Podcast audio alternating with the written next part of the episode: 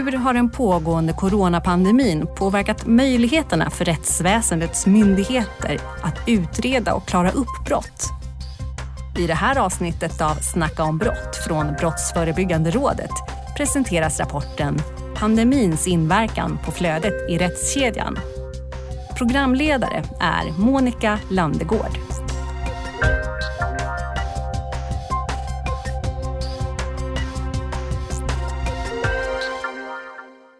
Välkommen till Brås podd Snacka om brott.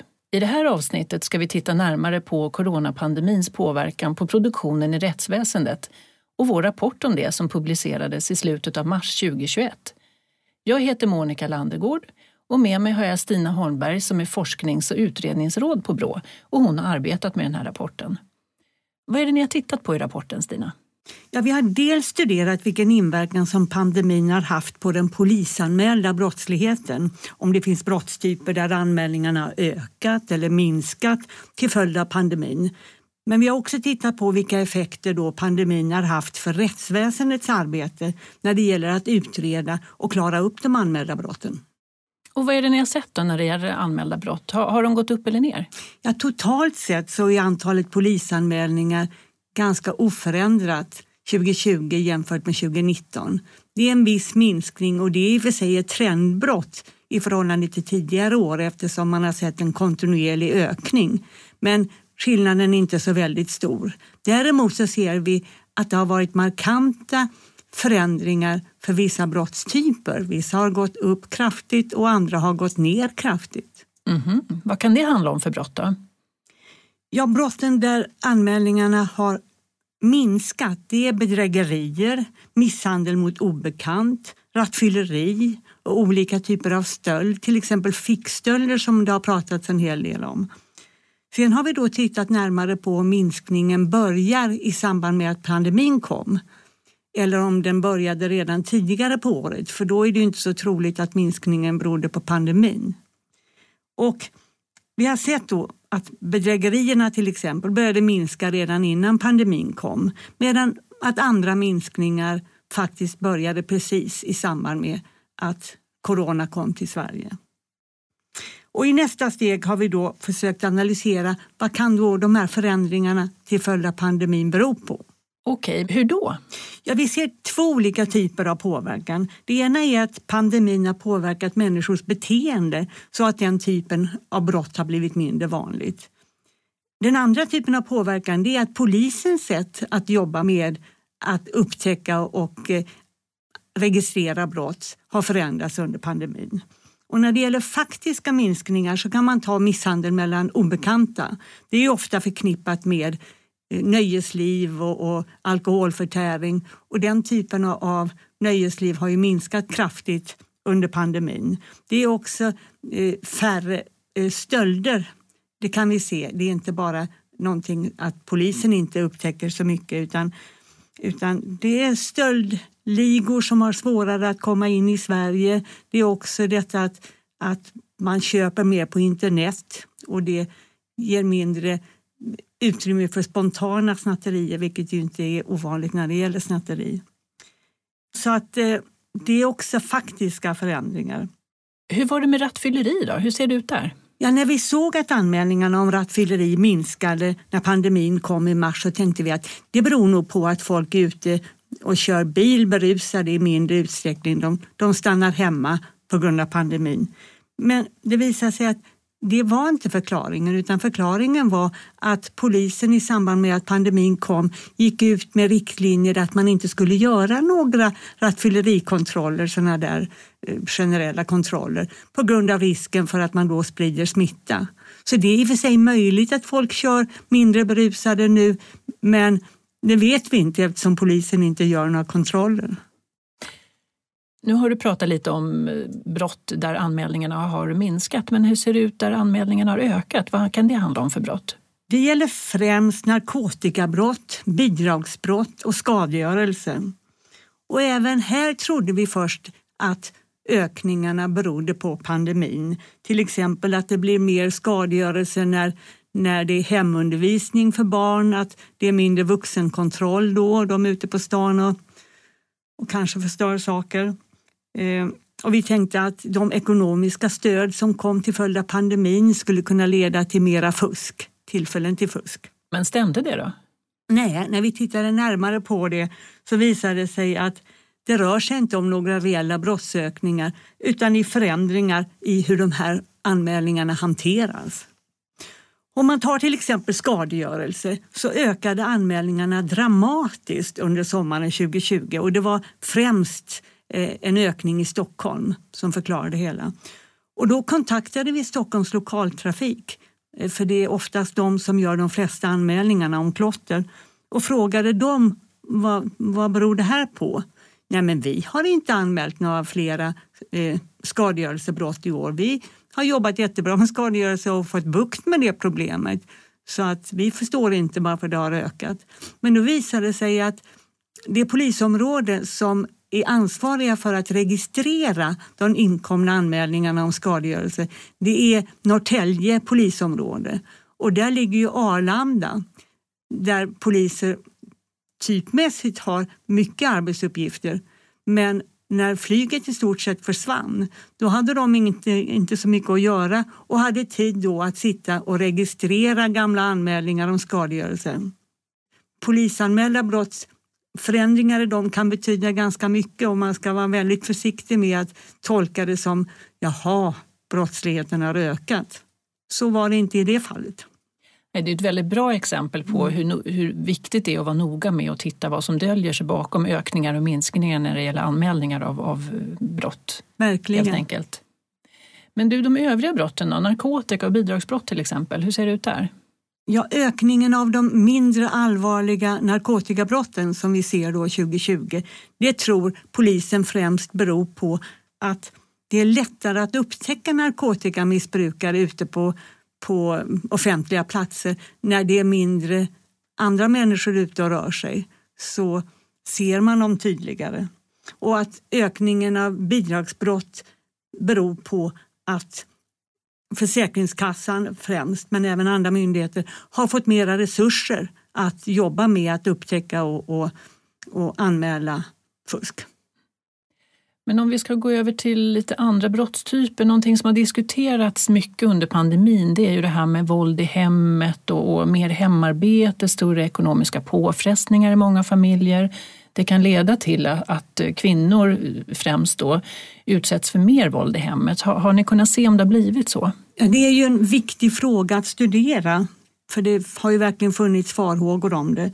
Men tyvärr så är inte polisens rutiner när det gäller att koda och registrera olika typer av, av våld så bra att man kan urskilja just om våld mot kvinnor har ökat för att eh, det kodas på samma sätt som om det är andra typer av relationer inom en familj. De har blivit bättre nu 2020 på att registrera korrekt men då blir det också svårt att veta om det är en reell ökning i förhållande till 2019. Så att eh, det kommer ju också den svårigheten som länkar till det vi talade om att pandemin kan ju inte bara har förändrat antalet brott utan också benägenheten bland kvinnor att anmäla det de har utsatts för. För jag menar som vi sa då, det kan, pandemin kan ha lett till ökade ekonomiska svårigheter, arbetslöshet och då kan man som kvinna kanske vara mindre benägen om man har blivit mer ekonomiskt beroende av sin man till exempel, att anmäla honom för misshandel. Så att eh, det är svåra frågor. Mm.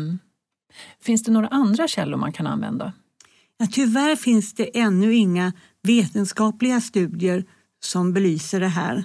Men statistik från kvinnoorganisationen Alla kvinnors hus visar inte på någon ökning i antalet kvinnor som har sökt hjälp med boende eller, eller antalet kvinnor som har ringt till Alla kvinnors hus och bett om hjälp. Eh, sen eh, gjorde Dagens Nyheter en, en undersökning i höstas där de frågade alla kommuner om de såg tecken på ökning i antalet kvinnor som utsatts för våld och de flesta kommuner såg inte någon sån ökning så att eh, vi har inga, inget underlag kan man säga för att eh, våga uttala oss i frågan men vi behöver följa den närmare. Mm. Men om vi ska gå över till den del av, av, rapporten som handlar mer om rättsväsendets arbete med att utreda och klara upp brott under pandemin. Vad har ni sett där? Ja, bakgrunden till den studien var ju att det fanns farhågor när pandemin kom att det här skulle leda till försämringar i rättsväsendets möjligheter att arbeta med att klara upp brott. Att det skulle leda till ökade sjukskrivningar och restriktioner när det gäller möjligheten att utreda brotten. Så därför så tittar vi närmare på om volymen eh, när det gäller utredda och, och lagförda brott har förändrats under 2020 jämfört med 2019. Och det gäller både polisens utredningar och eh, Åklagarmyndigheten och domstolarnas arbete. Vad såg ni där då? Ja, vi såg faktiskt motsatsen till det vi befarade. De har ökat sin produktion av utredda och, och lagförda brott ganska påtagligt jämfört med 2019. Det handlar om en ökning i antalet brott som polisen har överlämnat till åtal och eh, antalet brottsmisstankar som, som har blivit lagförda av åklagarmyndighet. En ökning med 6 procent i bägge fallen, vilket det rör sig om en 10 000 nya lagföringar. Och det är ju inte så lite. Och även domstolarna har ökat sin produktion med runt 6 000 mål, alltså brottmål 2020 jämfört med 2019. Så att eh, det är ganska tydliga siffror. Men kan man veta att ökningen hänger ihop med pandemin eller kan det inte ha några andra orsaker? Vi har naturligtvis frågat myndigheterna om detta och det vi ser när det gäller samtliga myndigheter det är att fortbildningarna som normalt inte är helt eh, obetydliga i omfattning, de har helt i stort sett ställts in 2020 på grund av risken för smitta. Och det betyder att fler är på plats och kan jobba med utredningarna. Sen när det gäller polisen, då ser vi också att de har fått en hel del arbetsuppgifter som har försvunnit om man säger. Och det är då väldigt mycket av de kommenderingar som polisen Eh, kallas till under ett normalt år har försvunnit. Alltså ta bara alla fotbollsderbyn som ju kräver väldigt mycket poliser både före, under och efter. Alla sådana här stora idrottsevenemang. Demonstrationer har i stort sett upphört, statsbesök. Allt sånt som kräver poliser är, är i stort sett borta 2020 och det betyder att de kan arbeta med andra uppgifter, till exempel att lägga ner mer tid på att göra så kallade förstahandsinsatser när de upptäcker ett brott. Alltså om de, om de kommer till en misshandel på stan till exempel. Då har de nu mer tid att förhöra direkt på plats, eh, liksom kolla om det finns teknisk bevisning, vilket de ofta inte hinner i vanliga fall. Och det påverkar ju möjligheten att klara upp brottet. Har du, vet du om det har blivit fler poliser på gatan under pandemin? Alltså, har de omfördelat resurserna på det sättet? Ja, så det här är ju poliser som är ute i yttre tjänst och eh, då har de kunnat arbeta med den här typen av saker eller vara ute på gatan. Nu har inte polisen liksom räknat detta exakt vilka arbetsuppgifter de har men det är, de ser ju själva vilka arbetsuppgifter som har försvunnit. Och en sån sak som att passhanteringen inte är lika omfattande. Folk behöver inget pass när de inte kan resa utomlands och då kan eh, de poliserna hjälpa till med administrativa uppgifter i utredningar till exempel. Men du, jag funderar på, du pratar ju om att eh, antalet rättegångar hade ökat och så, men, men hur ser det ut under pandemin? Alltså, har det inte varit svårt att genomföra rättegångar under pandemin med hänsyn till smittorisken? Jo, under våren var det faktiskt väldigt många domstolar som ställde in planerade rättegångar på grund av risken för smitta. Men allt eftersom så har domstolarna hittat nya vägar att genomföra rättegångarna. Det handlar både om att i större utsträckning genomföra dem med hjälp av video men också att eh, så långt det går genomföra målet på handlingarna som det heter, att man inte behöver samla folk. Och eh, det har lett till en ökning av antalet rättegångar. Men man kan också se att antalet avgjorda mål i domstol ökade först under hösten, vilket tyder på att man har behövt en tid för att anpassa sig till de nya arbetssätten. Har ni sett någon skillnad på vilken typ av rättegångar det är som har ökat? Alltså den ökning av antalet avgjorda mål som man ser den avser främst enklare mål och större mer komplexa mål har i stor utsträckning skjutits upp under 2020 eftersom det då är svårare att genomföra. Men samtidigt ser vi ju nu att den stora Vårbyrättegången genomförs. Även om vad jag förstår så, så är det en logistisk utmaning att, att genomföra en så stor utredning och, eh, och en så stor rättegång som den nu under pandemin. Hur ser det ut med lagföringar om vi ska hoppa till det? Har, har det ökat för alla typer av brott eller är det vissa typer som dominerar där? Ökningen tycks i huvudsak avse enklare ärenden, narkotikabrott, enklare bedrägerier, där det är polisen själv eller någon annan myndighet som har gjort anmälan. Däremot ser man ingen påtaglig ökning när det gäller lagföringar av grova brott som grov misshandel eller skjutningar eller så. Avslutningsvis en sista fråga Stina. Om du vågar dig på att sia någonting om framtiden, tror du att den här positiva effekten när det gäller utredda och uppklarade brott håller i sig eller kommer den att minska igen? Ja, det är ju svårt att säga om. Det är ju viktigt att myndigheterna börjar fortbilda sina medarbetare igen. Det är viktigt för att upprätthålla kvaliteten i arbetet. Så den tidsvinsten bör ju inte hålla i sig.